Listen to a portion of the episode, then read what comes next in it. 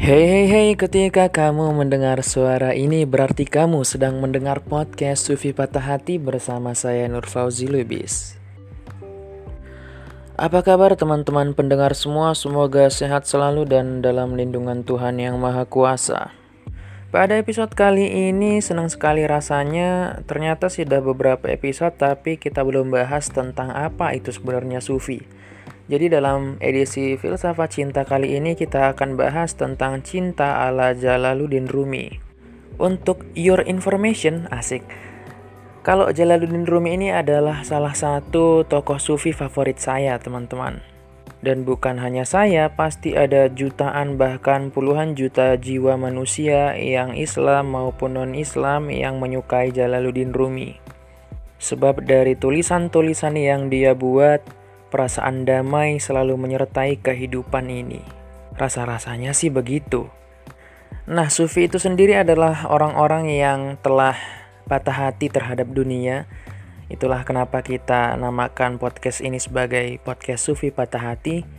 Karena para sufi itu telah patah hati terhadap dunia, sehingga dalam pikiran mereka hanya ada Tuhan dan juga hari akhirat.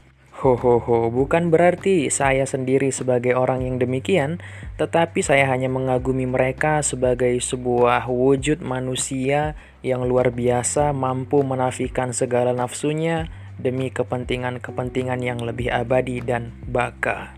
Tetapi sebelum itu teman-teman, marilah kita dengarkan sejenak salah satu dari puisi yang pernah Rumi buat sepanjang hidupnya.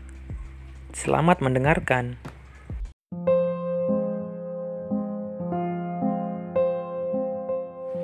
Betapa bahagia saat kita duduk di istana, kau dan aku, dua sosok dan dua tubuh, namun hanya satu jiwa. Kau dan aku, harum semak dan senandung burung kan menebarkan pesona. Pada saat kita memasuki taman, kau dan aku, bintang-bintang dan beredar kan sengaja menatap kita lama-lama. Bagi mereka, kita akan jadi bulan. Kau dan aku, kau dan aku yang tak terpisahkan lagi, akan bersatu dalam kenikmatan puncak. Bercanda ria serta bebas dari percakapan dungu. Kau dan aku. Burung-burung yang terbang di langit kan menatap iri, karena kita tertawa riang gembira. Kau dan aku. Sungguh ajaib kau dan aku. Duduk di sudut yang sama di sini. Pada saat yang sama, berada di Irak dan Khorasan kau dan aku.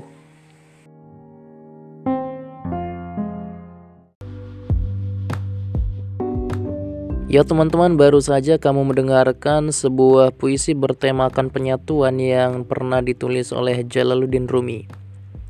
Teman-teman semua bahwa tema penyatuan adalah sebuah tema yang sangat sakral bagi para sufi khususnya dalam sekte Mahabbah seperti Jalaluddin Rumi karena dia menganggap saking patah hatinya tadi terhadap dunia dan dia tidak punya harapan apa pun terhadap dunia, ia ingin menyatukan dirinya dengan Tuhan dengan cara meleburkan diri ke dalam Tuhan. Artinya teman-teman bahwa ternyata Jaluddin Rumi ini adalah seorang sufi yang beranggapan bahwa ternyata Tuhan adalah satu-satunya tujuan dan hanya satu-satunya tujuan yang bisa kita capai. Sebab dalam kehidupan dunia yang kadang kita kejar justru melenakan. Suatu ketika kamu mengejar harta, popularitas, pasangan sesuai yang kamu impikan, yang lain sebagainya, atau misalnya teman-teman saat kamu kuliah di semester ini kamu punya target 3,7 IP-mu tetapi ternyata ketika IP itu hanya dapat 3,5 misalnya, kamu memiliki kekecewaan karena tidak menyanggupi 3,7 dan ke kekecewaan itu muncul dalam hati kamu sehingga menyebabkan kamu merasa bahwa bukan hanya usahamu yang kurang maksimal, tetapi Tuhan tidak mendukung hajat dan tujuan. Hal ini cukup berbahaya, teman-teman karena apa? Karena suatu ketika jika kamu berpandangan demikian, maka kamu sama saja dengan meragukan Tuhan. Maka inilah yang diantisipasi oleh Jalaluddin Rumi. Kata Rumi, memang dunia ini adalah tempat kita yang sementara, Tetapi keterlenaan kita terhadap dunia hanya justru akan menyiksa jiwa kita. Kata Rumi, dunia ini ibarat kita saat masih dalam kandungan ibu. Di dalam kandungan ibu, kita hidup di dalam air, di dalam air ketuban, tepatnya. Tetapi ternyata kita memang selama 9 bulan nyaman berada di dalam sana. Tetapi teman-teman, tempat kita bukan di sana. Tempat kita adalah di dunia, kita bernafas dengan paru-paru dan kita harus berjalan di permukaan bumi. Oleh karena itu, kata Rumi, jiwa kita bukan letaknya di dunia. Siapa saja yang meletakkan cintanya terhadap dunia, maka dia tidak akan mendapatkan apa-apa. Nah, teman-teman, hal lain yang juga dibahas oleh Rumi dan cukup menarik adalah pandangan Rumi bahwa selain kekasih, semuanya adalah fana. Ketika kekasih bersembunyi di balik kefanaan, maka kefanaan itu akan menjadi indah, asik. Rumi bilang bahwa pecinta hanyalah lukisan, sedang kekasihlah yang melukisnya. Oleh karena itu, kekasih berhak menggambar apa saja sesuai dengan yang dikehendakinya. Kadang pelukis itu melukis derita, melukis gembira. Ya, karena pecinta hanya sebagai benang, kekasihlah yang menyulamnya. Lebih jauh lagi, Rumi mengatakan bahwa ternyata yang baik dan buruk itu semuanya adalah cermin kebaikan sebenarnya. Misalnya gini, kalau kita melihat ular sebagai bisanya yang mematikan, tetapi di lain sisi dia juga bisa menjadi obat yang mujarab. Atau bisa jadi kamu adalah orang yang paling baik, tetapi bagi orang lain, orang tertentu, kamu adalah orang yang penuh dengan kebohongan dan menyakitkan. Nah, teman-teman semua, Jalaluddin Rumi tadi terkait dengan kefanaan, dia bilang bahwa itu seperti lebah yang tenggelam ke dalam madu. Ia tidak dapat lagi mengatakan dirinya sebagai sesuatu yang tenggelam, tetapi lebah itu sudah lenyap tenggelam bersama madu itu sendiri. Ini adalah bentuk kerendah hatian ya. Sebagaimana Al-Halaj, kalau teman-teman tahu, Al-Halaj juga mengatakan ana al-haq bahwa saya sayalah yang al-haq itu. Sayalah Tuhan itu. Tetapi itu adalah bentuk uh, kerendah hatian. Sebab mereka mengatakan bahwasanya memang itulah sesuatu yang wujud. Selain itu adalah fana. Selain Tuhan adalah sesuatu yang fana.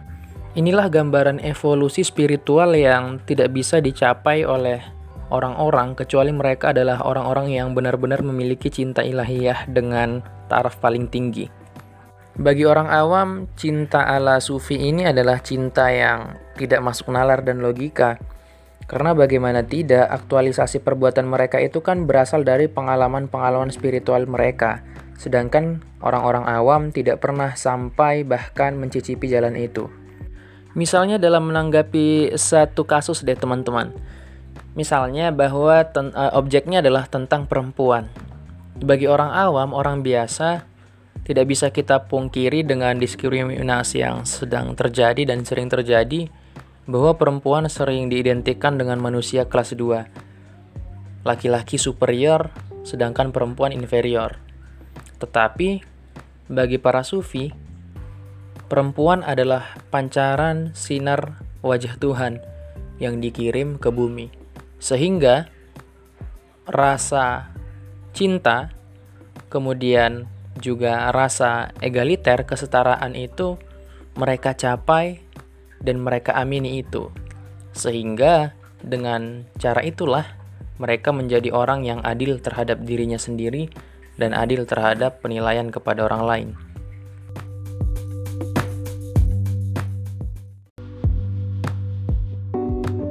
Teman-teman, hal yang menjadi poin penting sebenarnya dari pembahasan cinta ala Jalaluddin Rumi adalah bagaimana Rumi menunjukkan bahwa perasaan seorang sufi itu tidak bisa kita ukur secara objektif. Perasaan seorang pecinta itu hanya bisa dinilai secara subjektif. Karena apa? Karena penderitaan-penderitaan yang dialami oleh para pecinta itu bagi mereka justru adalah kebahagiaan. Orang-orang yang mencintai sesuatu justru bahagia dalam deritanya.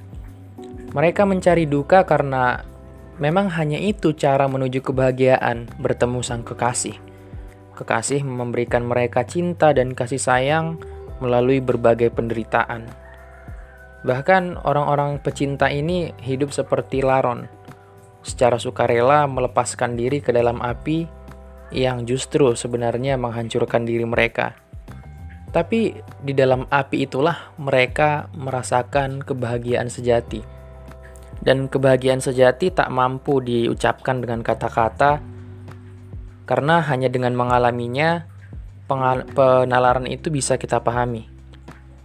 Sebab itulah Rumi dan para pecinta umumnya menganjurkan kepada kamu, kepada saya, untuk mempersiapkan diri menempuh jalan spiritual menggapai cinta ilahiyah guna mendapatkan kebahagiaan dalam penderitaan.